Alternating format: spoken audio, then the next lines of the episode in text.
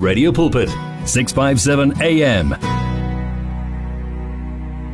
Get in touch with the truth, the light and the life. 657 AM Ladies ladies nizwila ngithi and okumnandi ukuthi uh, this year bayilethe duzane um iRadio Pulpit amp. Uh, kulonyaka ayikho ngale emabula game reserve so sila ePretoria uh, al Alden Lager campsite um in the east of Pretoria. So uma uthanda ukuhlanganyela nathi on this day um from ngomhla ka 6 until 8 May 2022 yeah ladies camp radio pulpit ladies camp izobe iladuze so uma ubuye Joburg kuduze. Ula Pretoria kuduze even nalabo ababuya ke kwezinye izindawo asisho ukuthi ungazohlanganyela nathi kodwa uyabona nje ukuthi kulonyaka iku center nje so sisondeze eduzane nawe.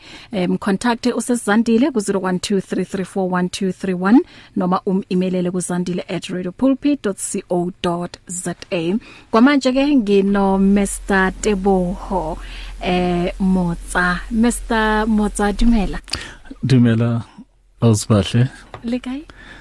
Re tsohile ka mohau lona le kae? Re teng le rona. Yes. ra le boa hore o be le rona mo letsatsing la ka jeko wa tseba eh ho monate ha kakang ha batho eh ba kopana and then ba tlo bua ka boholo ba modimo. Njobe ngisho ngithi le ncwadi yakho uma ngiyibukile eh ngibona nje amazwi okuwukuthi em a- agcwele uk- ukukhuthaza amazwi ukuthi bambelela kuNkulunkulu. It doesn't mean ukuthi uma into ingenzakalanga nge- ngesikhathi wena ofuna ngaso kusho ukuthi ke uNkulunkulu em ukhohliwe ngawe. uNkulunkulu akayizwa imkhuluko yakho because batho banale banale ho bua hore you know hey dibetsa ka ke tse golo or Yes. dibetsa ka ke tse ngata Yes. or ha ho etsahala eh, ha o shebana le di trials and tribulation motho a re ai modimo wa mphanisha That's and correct. there is there is no such because uNkulunkulu unguNkulunkulu onothando so thina nje into kumele siyenze ukuthi silinde kuyena and then re mo mamele that's correct.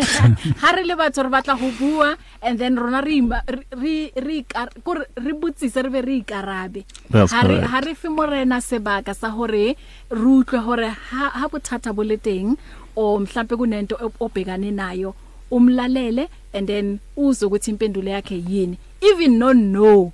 It's still an answer. Uthi no. Eh eh bahle le angeke ngikunikeze yona ngoba um a- a- a- ayikulungelanga o ngeke ikusize ngalutho. That's so good. Mr Motsa thank you so much ukuthi ubhale incwadi enhle kangaka.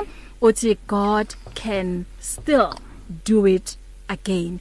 Before ke sizokhuluma kabanzi ke kopa o o- uribe usibeke nje sithombeni usichazele kancane ukuthi ungubani u Mr Tebo Homotsa. Yes eh sisibahle tebo homutsa ke eh mohlankana a tswang sebokeng val eh but currently re dula fana pele as a family ya ko high but uh, I'm now with my family I'm in Alberton.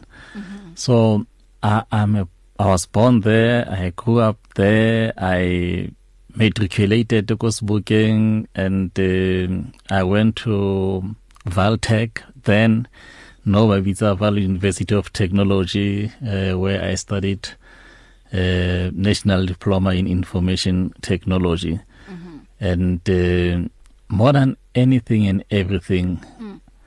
Tebo Homotsa ke ngwana wa modimo amen and uh, is a full bona fide member of the Methodist Church of Southern Africa mm. and he is also an accredited uh, full preacher within the Methodist Church okay so the preachers ke within our church borders ke ke ke bathusi ba ba moruti um and in such a way that hamuruti alisiko most of the Sunday services ditlo conductwa ke bona mm. you know uh, especially within our church you might find that one muruti is looking after four five mm. six churches so he or she can be there every Sunday mm. and uh, hence we've got what you call preachers and before you become a, a fully accredited preacher you you first need to have a calling mm. and uh, you need to respond to the calling and you'll have an interview with uh, our superintendent uh, the other name maybe it's senior pastors but we call them superintendent. And otla interviewer a check oh Raymond are you sure you've got a calling or you take chances? Yeah. And uh, after the conversation you'll go to what we call is a second preachers quarterly meeting mm -hmm. where you'll present your calling and uh, you'll also present your conversion. Uh, what was happening how not lokopana le morena mm. then after you've been accepted you'll go for a training uh, you'll register you'll study and uh, after you have passed your exams then ho tlabana le a service whereby you will be commissioned mm -hmm. and uh, if you happen to belong to one organization they also call it LPA they will also hope you got the preacher's uniform so uh I'm married and uh, my wife beloved beautiful wife is Tembecker and uh, we are blessed bana by two I will explain later. I still regard them as bana by two I will unpack that later. So I've been all over the the country from Vaal to uh, Middle Redgale uh, from Redgale Wheatbank and currently I'm based ko area called Lephalale mo ke sebetsang teng So in a nutshell I think this this is who Teboho Motsa is. Yeah. And engikuthanda kakhulu ukuthi uthi ungumntwana kaNkuluNkulu. Definitely. Amen. Definitely. So um siyajabula nje ukuthi sikwazi and siyakwamukela la ekhaya. Yazi umndeni omuhle radio pulpit yes. Ya sihlezi nje samukela wonke umuntu ngoba siyathanda ukuthi ukhule. Yabona njengoba wena ula ngiyazi ukuthi kunabantu abatshelile ukuthi hayi mameleng ngitlabe kibu ko radio pulpit and yes ngaleyo ndlela eh siyakhula si si siulumndeni yes. so lencwadi God can still do it again incwadi yakhe yokuqala. That's my first official published book. Okay. All right. And then yini eku inspireile ukuthi uyibhale? Uh be before maybe I comment let me also give a shout out to advocate Vuyo Nonso. Mm -hmm. uh you you interviewed her early in January yes uh she's the reason why this connection happened between Nalwena yeah. so she's my friend and I appreciate her she's also an author you know yes. fear not my soul so Vuyo yeah. thank you my sister mm -hmm. wow sisibahle uh sure you know this this book is one it's, it's a result of what God has done in my life mm.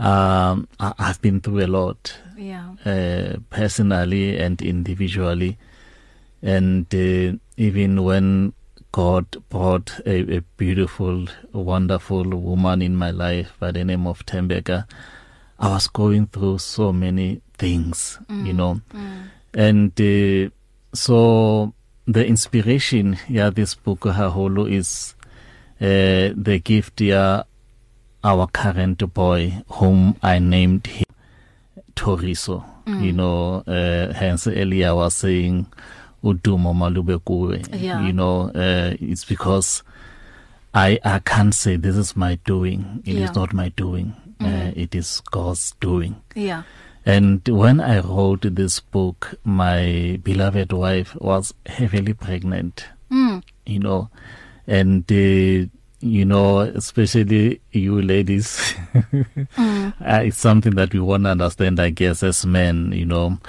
you go through so many things, but you you want attention. yeah Uh, you want to be cared for. mm. You want to be assisted in so many ways. And now I had to share my time and my space with this book. And I'm, I'm so grateful that my beloved wife managed to allow me the space and the time to sometimes I will wake up in the early hours of the morning Mm. because something will have been deposited. Then I'll have to go sit down and write. And sometimes it will be during the day then I'll have to say my love please give me some couple of minutes. I need to focus. Sometimes it's in the evening. So she she put up with me uh throughout this writing of the book. And sometimes you'll write and you say no this doesn't make sense. Try mm. scratch and we'll lahlele kwa get another one. Try to write. Uh, but yeah but above all really really the inspiration behind this book is our second child uh, mm. Toriso who, who is a wonderful boy. Wow. And uyazi itheme ngifunda le lencwadi yakho ne?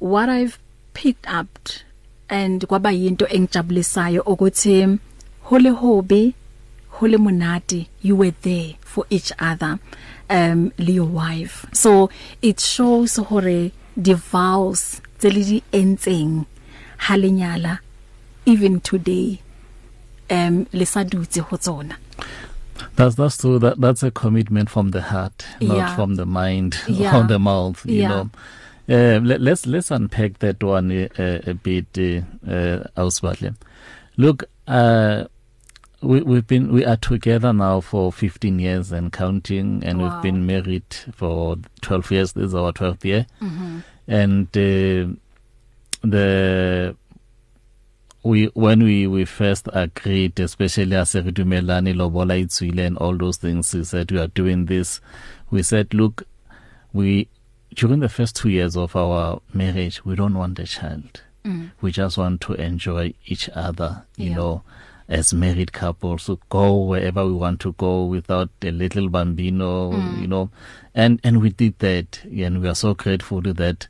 God provided that space for us. And after that we said okay i think it's about time we let's try and have babies in our marriage. Yo mathata ke maqadile nteng. Mm. And we struggled we struggled we consulted various doctors and specialists for them to do the checks and uh, most of the time we got a, a clean bill of health Mm. but years went by and nothing was coming forth you know and and uh, uh, my doctor then dr Malupe Isana Malupe uh, I don't think he will mind that I mention his name he's a good brother mm. uh, and a good doctor so we we even had heart to heart conversation then amplela ye mone look bana ba tswa ko modimo and Yeah. uh, there's nothing that you and I can do. Medically we can try what we can. There are a couple of options that are available Mm. but the bottom line ko hore kids come from the Lord. Yeah. You know but having said that there are other options uh, adoption uh, you know surrogacy and I could hear those things and I said I said to him no man I, I hear you but you know what uh, my my life man I I have been this person who has devoted his life to God mm. and I I refuse to believe that God doesn't want me to have my own child yeah I can adopt, I will adopt, we will adopt, it's not a problem, but I still need to have my own. Mm. And I believe that God will do this for us. Mm. So I and I, I wrestled with God. I, I really, really wrestled with God for the longest time. Uh, I've been a Sunday school teacher while I was still young. I think I was doing standard nine and uh, I was given Sunday school. I didn't take Sunday school in that to say I want to be in church. But kerekeng ko rona the leadership they they felt oh hey take this ball and run with Sunday school, you mm. know. And uh, you know leading a, Sun, a, a an organization like Sunday school uh, requires a lot. I mean Yeah. you need to be a role model. Mm. You need to lead by example. Above all, you need to teach and talk about something that you believe in, th- mm. something that you have accepted, something that you are living. You need to put yourself out there and say to them, "Look, look at me. I'm I'm I'm your role model." You Yeah. know, and there's nothing wrong about you being a Christian and choosing to live this way. You mm. know, so all my life I've been like that, and uh, I, I I couldn't understand how will God really deny me mm. this opportunity of having uh, my own child and um, dilemo di tsamaile 9 years ago fela in our marriage nothing was happening you mm. know and uh, the IVF IUI and all those things they were made available and uh, the challenge for me ka tsona is that they are telling they will tell you that it's 50-50 you mm, know it's mm, not guaranteed. mm. and you're going to spend thousands and thousands. And really I was like God after all that I've done Mm. uh, after all the sacrifices Yeah. from Sunday school ke bile a youth leader. And even there I I was also leading by example you Mm, know. and I say no you can't do that to me. Not me. Yeah. you know it doesn't matter how long it will take us I I, I will stand on your word Mm. and I will believe that you'll open this door for us look I I don't want to lie there were times when it it like I mean 9 years is quite a lot and you'll start feeling like okay maybe this is not going to happen and even it's like that I'm reminded of Shadrach Meshach and Abednego Yeah. Who, who said even if you, you throw us uh, in the furnace of fire mm. uh, God will save us. But even if he doesn't save us we won't bow before your king Nebu- uh, Nebuchadnezzar. Mm. I said okay God if this is the life that you chose for me or you are choosing for me together with my wife I, I will live it.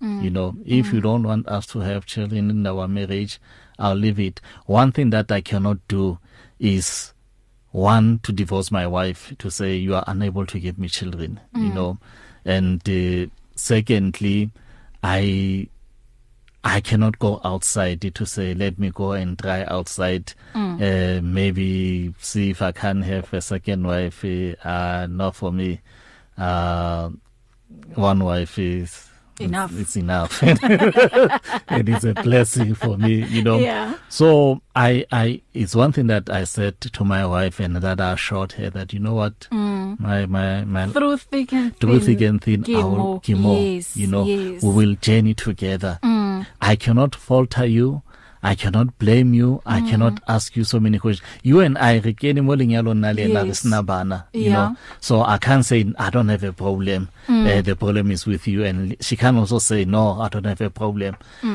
So in in medical terms um ha ba tlhalosa di doctor what was the reason for a delay? Look, there's nothing concrete in Ebakareblela yona uh, mm. uh, except that it was age, you know. Mm. More than that, how na anything wrong by tossing oh no no you are suffering from this and that's mm. why you are mm. having this challenge. Mm. Then uh, yeah, and uh, it it it happened on our 10th year and we close celebrate our 10th year anniversary that we we were blessed with a a baby girl. Wow. You know. So ya o busetsa hape ko ko lentsweng ha le re children are a gift I a gift from, from God. the Lord. Wow. You know. Mm.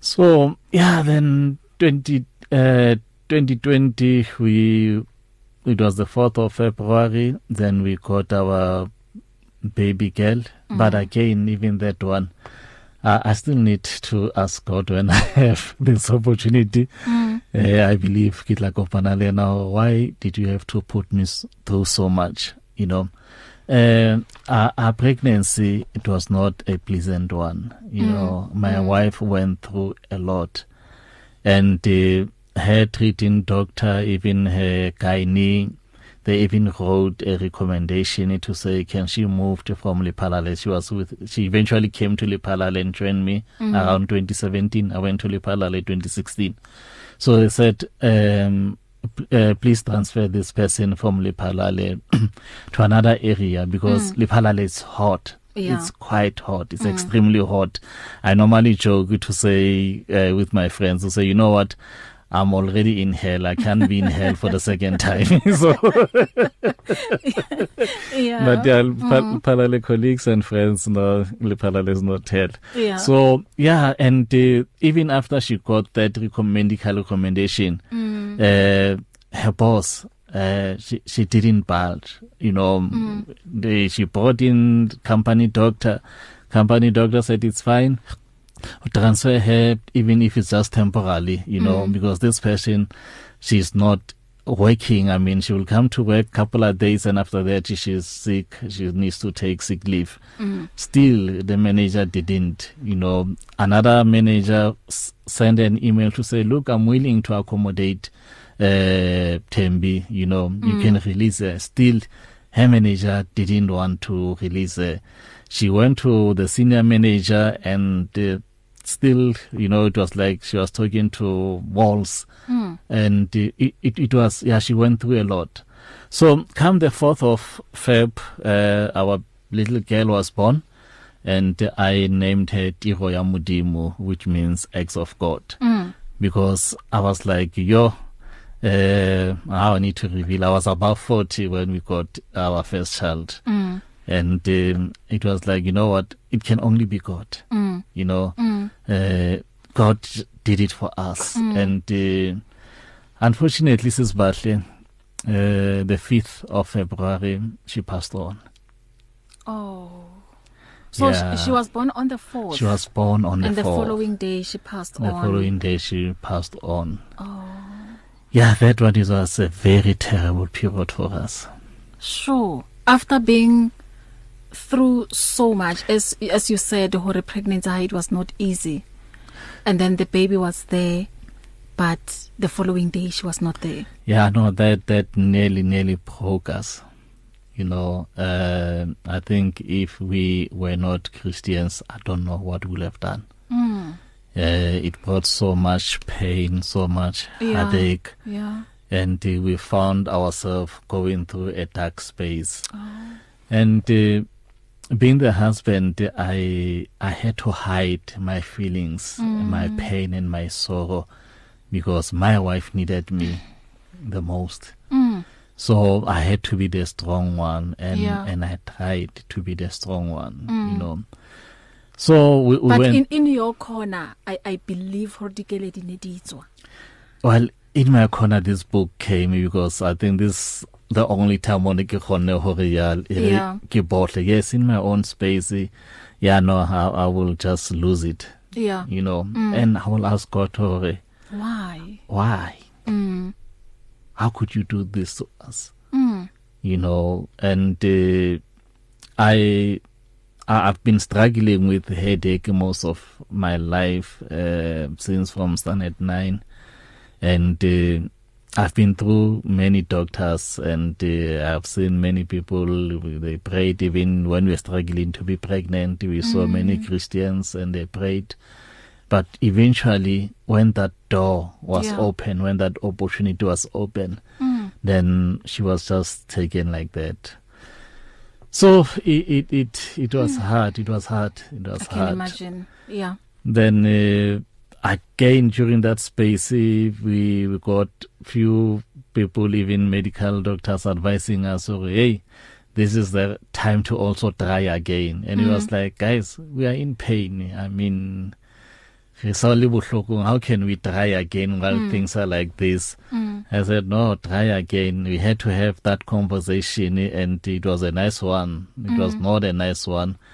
And we, we agreed to re try, but again, it, you know, It was not easy. it was not easy. Yeah. It was not normal. Mm. So after a few attempts, I said in the book, yeah, there were very, very few successful attempts. Mm. I hope I won't be asked over how many was that, but there Yeah. were few. Mm. And uh, yeah, man, uh, out of nowhere, out of nowhere, uh, 2020 when she was pregnant, like it was like Deboho, I missed my period, and uh, okay, 2019, 2020, and this time around, she came and said, uh, "Baby, I think I missed my period," and I was like, "What?" Mm. You can't be serious. Are you serious? ke after nako e kanang kang after hore le lahlehelwe ke first child? Um, it was around.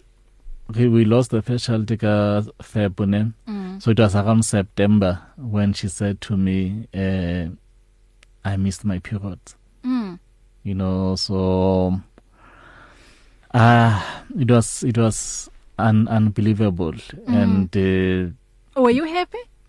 I was happy, but at the same time, I didn't believe that it's happening Yeah. again. Yeah. you know, uh, after we struggled for so many years mm. and out of nowhere, uh, although it's not out of nowhere, but here we are. The first child was here, she passed on, and now there's an opportunity of having the, the second one. Mm. Uh, But I, I guess there was um um fear fear nyana hape hore okay yes um we are pregnant but what if ho etsagala ntho e etsahetseng hape th- there was that fear, Yeah. and again, this happened when she was still in Liphalale. mm. Uh, my wife ikimxhosa and uh, there's something about Xhosas and Zulus you know yeah. uh, if they say angfuni mm. uh, it's it's it's it's it's something iphelela lapho you know angifuni she she said to me at some point in time teboho angifuni ukuba pregnant eliphalale mm. you know and uh, now when she said i missed my periods she was still in Lephalale. Mm. And I remember too, she said, I don't want to be pregnant again in Lephalale. I don't want to go through the pain yeah. and trauma and relive mm. what happened. I could understand where she was coming from, yeah. you know. Mm. Mm. So mm. fortunately during that space when this thing were happening already, uh, one doctor who's also her manager kind of like intervened with our first situation and they moved her from Lephalale to uh, Joburg and uh, but because of covid now uh, she couldn't physically move. But work wise she was reporting now in Johannesburg. And I had to find a place for us in Joburg so that she can move. And I did that. My younger brother Pule Motsa assisted a lot. And uh, eventually we relocated okay they relocated because I'm still working in Lephalale. But even when they were relocating I got admitted in the Pretoria Centurion uh, and Midstream private hospital. I uh, was there for 5 days and uh, so they moved without me. Then fast forward we in Joburg here we saw that GP and GP said we need to see the gyno see the gynae.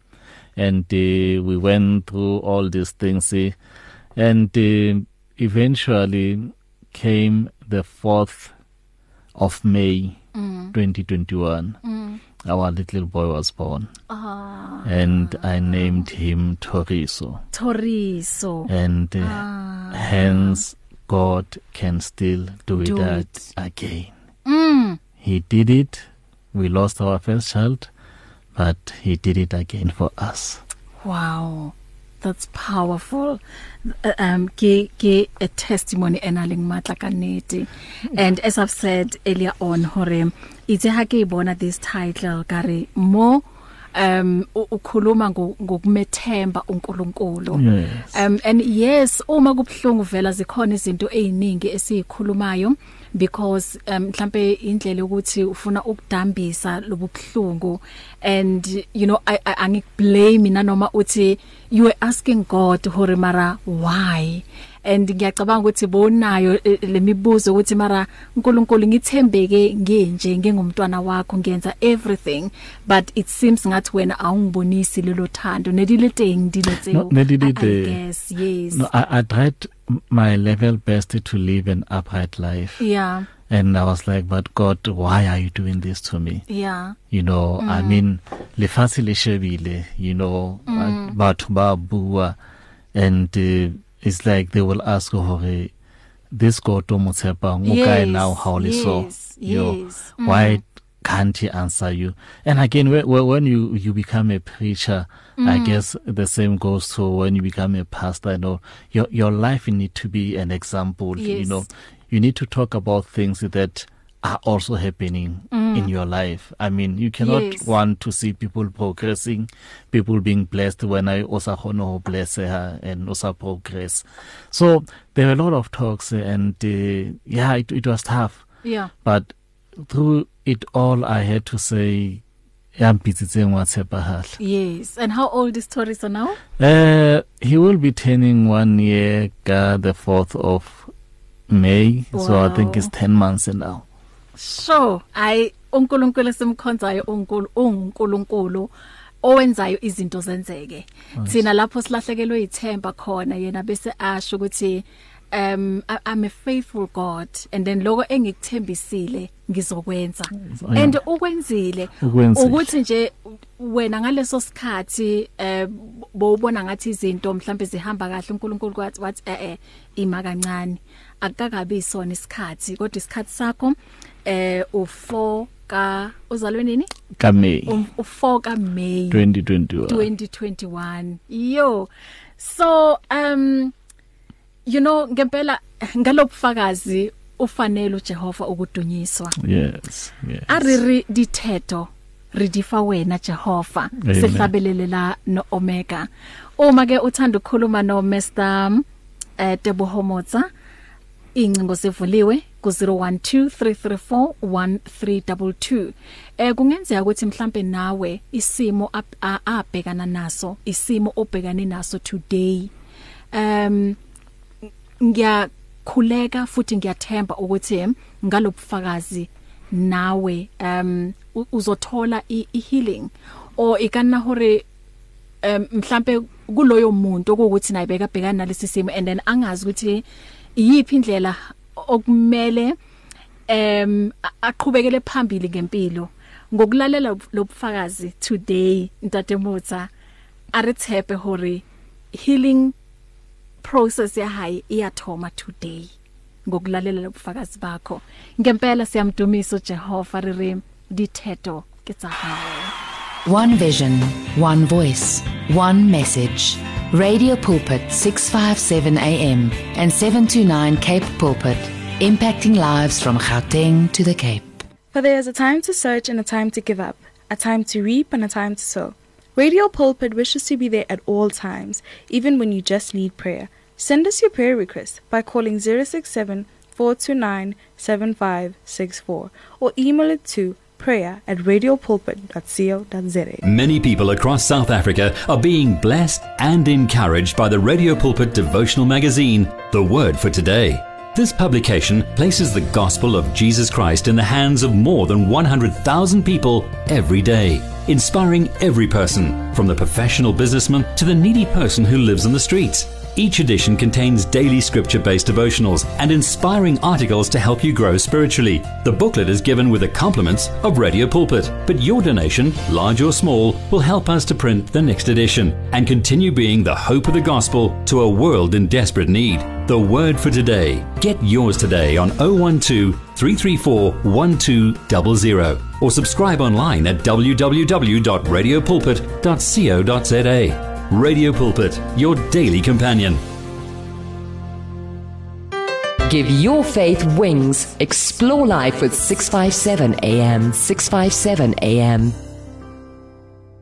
Ngempela ufanelwe ukudunyiswa Jehova ngoba wenza imanga ezimpilweni zethu. Nalapho ithemba selishabalala wena uphinde ulibuyise njengoba ke besilalele ubufakazi lam eh baka Mr Teboho Motsa. Indeed God can still do it again. Uma ekwazile ukukwenza lokho ezimpilweni zabo nakuwe mzalwane angakwenza. So ngiyacabanga ukuthi ngale um testimony um amanxeba ayaphola and nawe uzoqala umethembe futhi uNkulunkulu uma kuukuthi bosolahlekelwe ithemba kuye.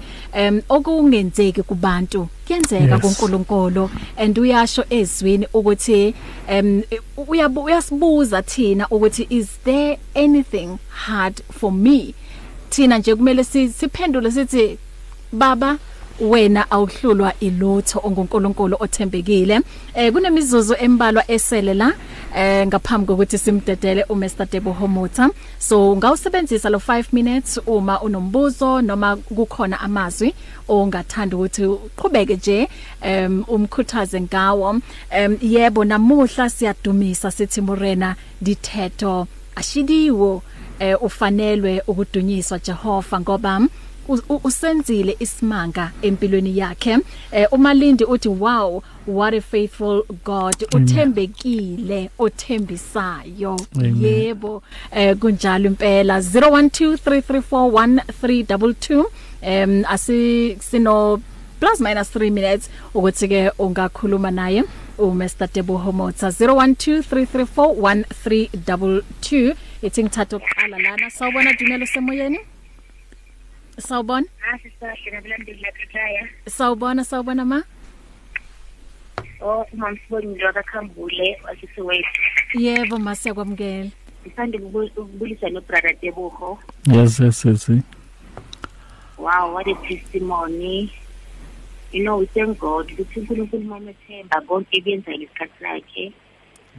and what i've learned mina ngonkulunkulu ukuthi ayikho into esaphazile kunkulunkulu ukuthi thina we have that thing in, our- in our mind ukuthi no what dintlha di tlhaga di etsega re nana gore modimo ha ayo.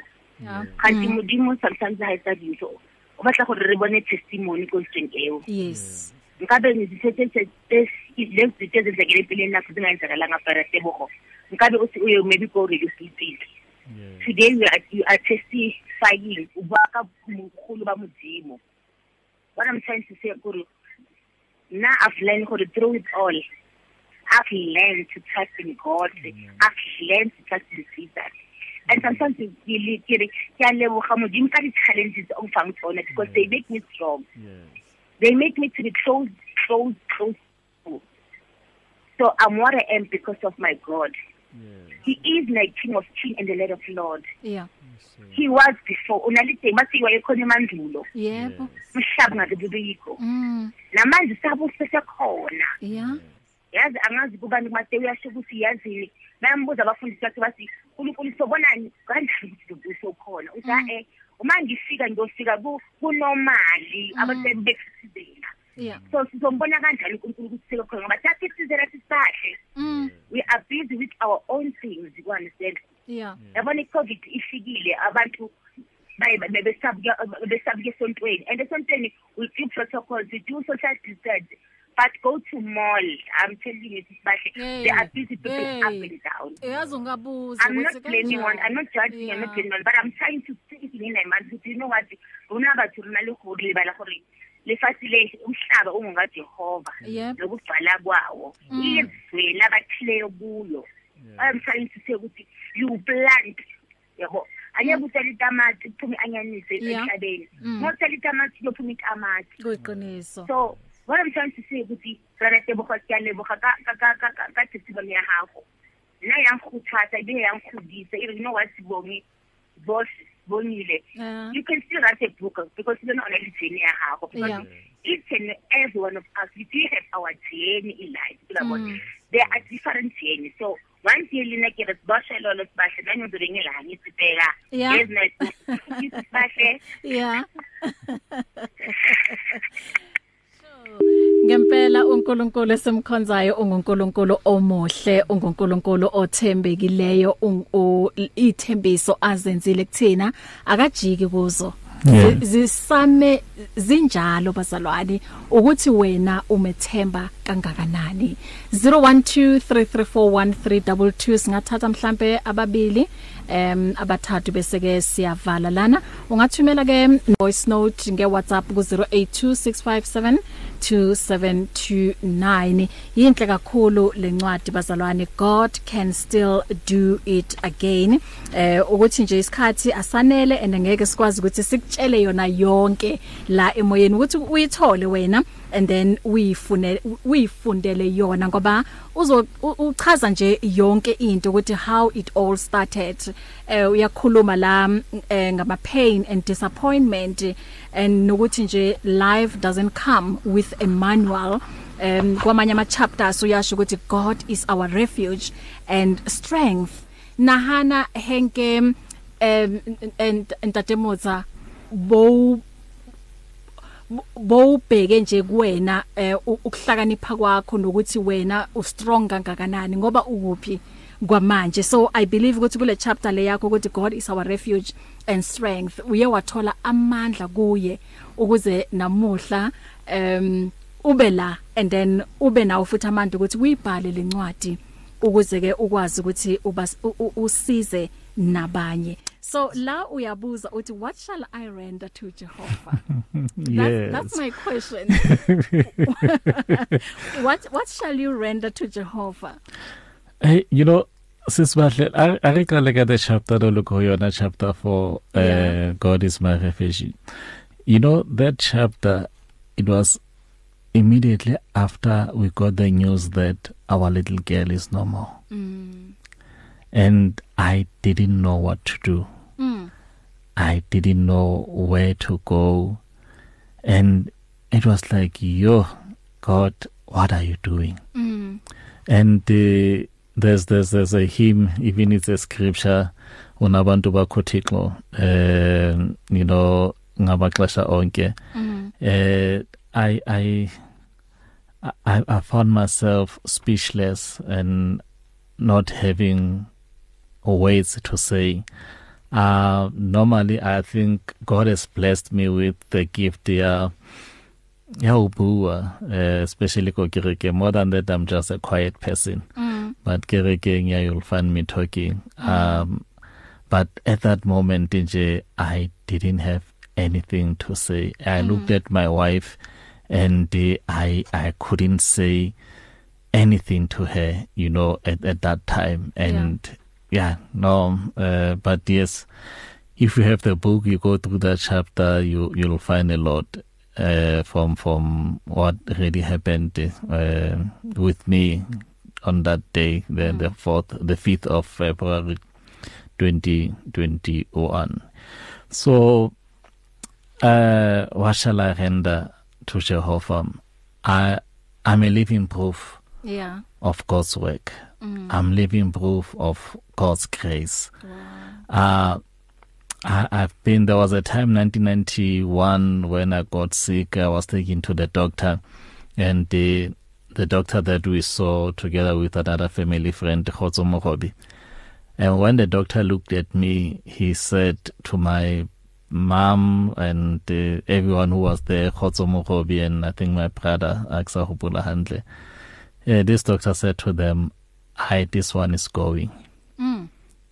I mean we are in 2022 I'm still here wow uh, I was hospitalized the whole month 2016 November uh and they couldn't tell me what was happening with me mm. I'm still here.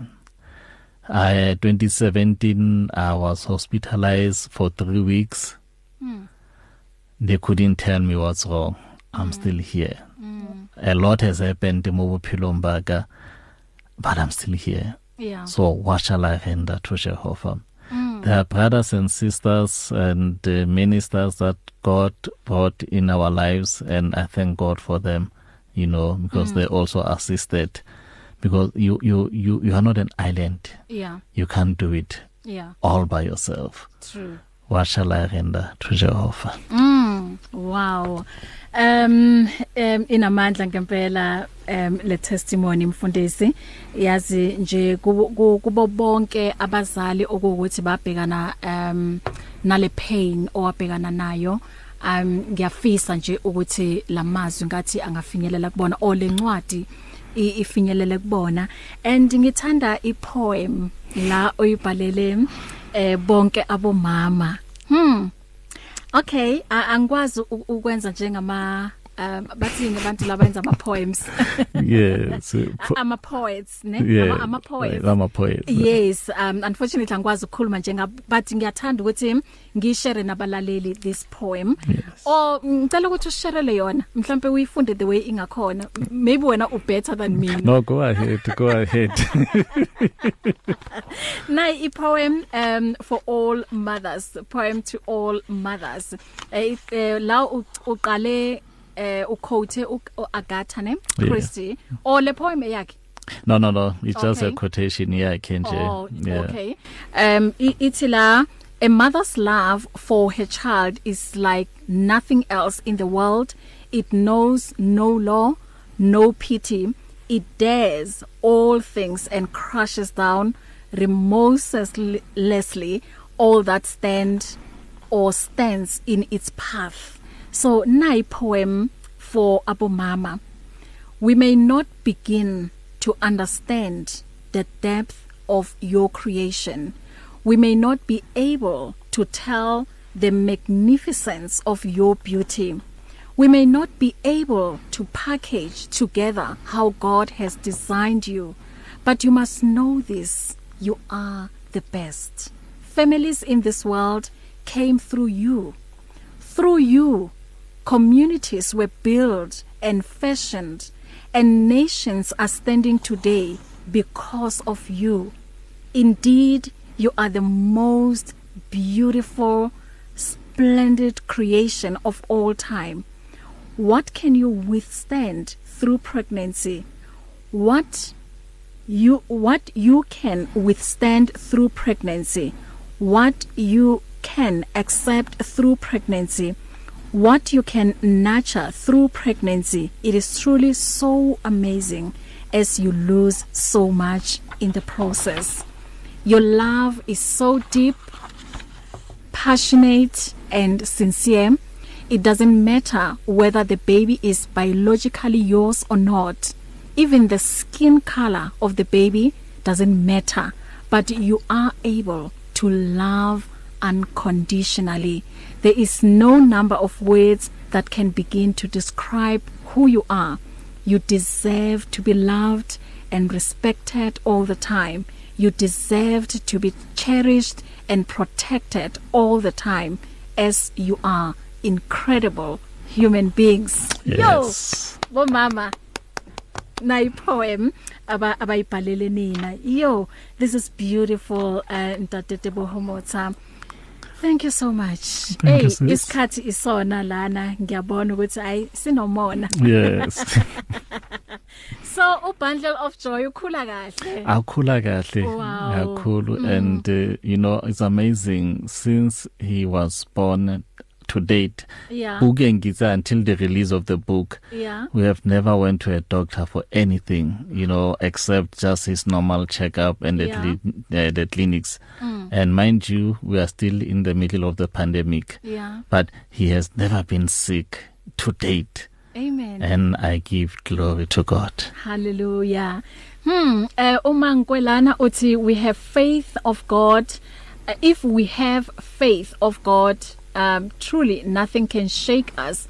Um let's use our mouth for prophet prophetic things that come to existence. Let's continue to resemble God as we are body of Christ. Uh, uthi hamba hamba ah hamba lalo ukholo hamba lalo ukholo dade oh, oh okay in god everything is possible Yes. yeah um omunye uthi hi bahle please give us the hostel number from ugogo ha na uzoshiyela ngithi ama number Yes, yes, sir. okay eh oh mhlambe enye language leyana ne ngoba ngiyabona le, le number yakuphi 0 um 37 no plus 26 kuyakubudzwana ne I think so it's Plus outside 26. yes Okay.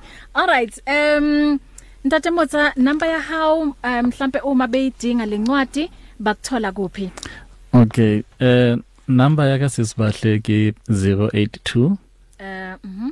909 Mm. 2399 082 909 mhm.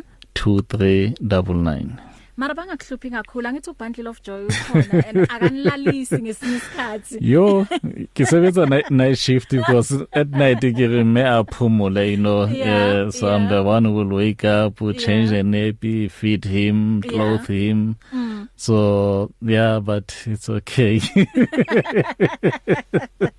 Thank you so much and then ko social media ukhona?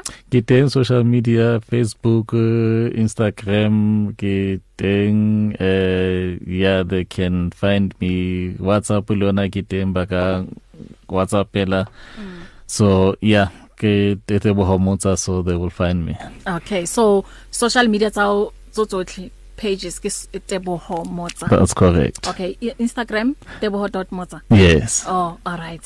Thank you siyabonga. Eh itholeni le- lencwadi bazalwane kakhulukazi uma kuukuthi nawe um ubhekane nale pain and then awazi ukuthi ke ungandlula kanjani kuyona ingakusiza kakhulu. Indeed God can still do it again. Uma ekwazile ukwenza kubona lokho Yeah. nakuwena angakwenza akukho okumehlulayo.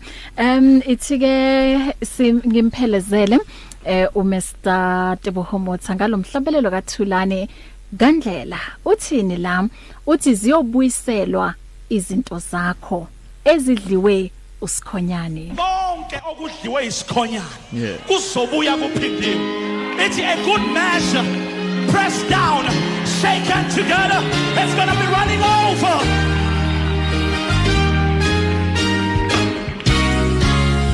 One vision, one voice, one message. Radio Pulpit 657 AM and 729 Cape Pulpit, impacting lives from Gauteng to the Cape.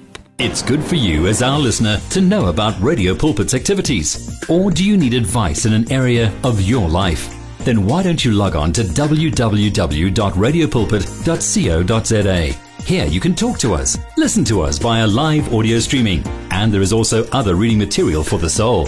What are you waiting for? Visit the Radio Pulpit website right now. www.radiopulpit.co.za. Radio Pulpit, your daily companion. For there is a time to search and a time to give up, a time to reap and a time to sow. Radio Pulpit wishes to be there at all times, even when you just need prayer. Send us your prayer request by calling 067 429 7564 or email it to prayer at radiopulpit.co.za. Download our app now and listen to us wherever you go. Available in the App Store and Play Store. You and 657 AM and life, a winning team on the road to eternity.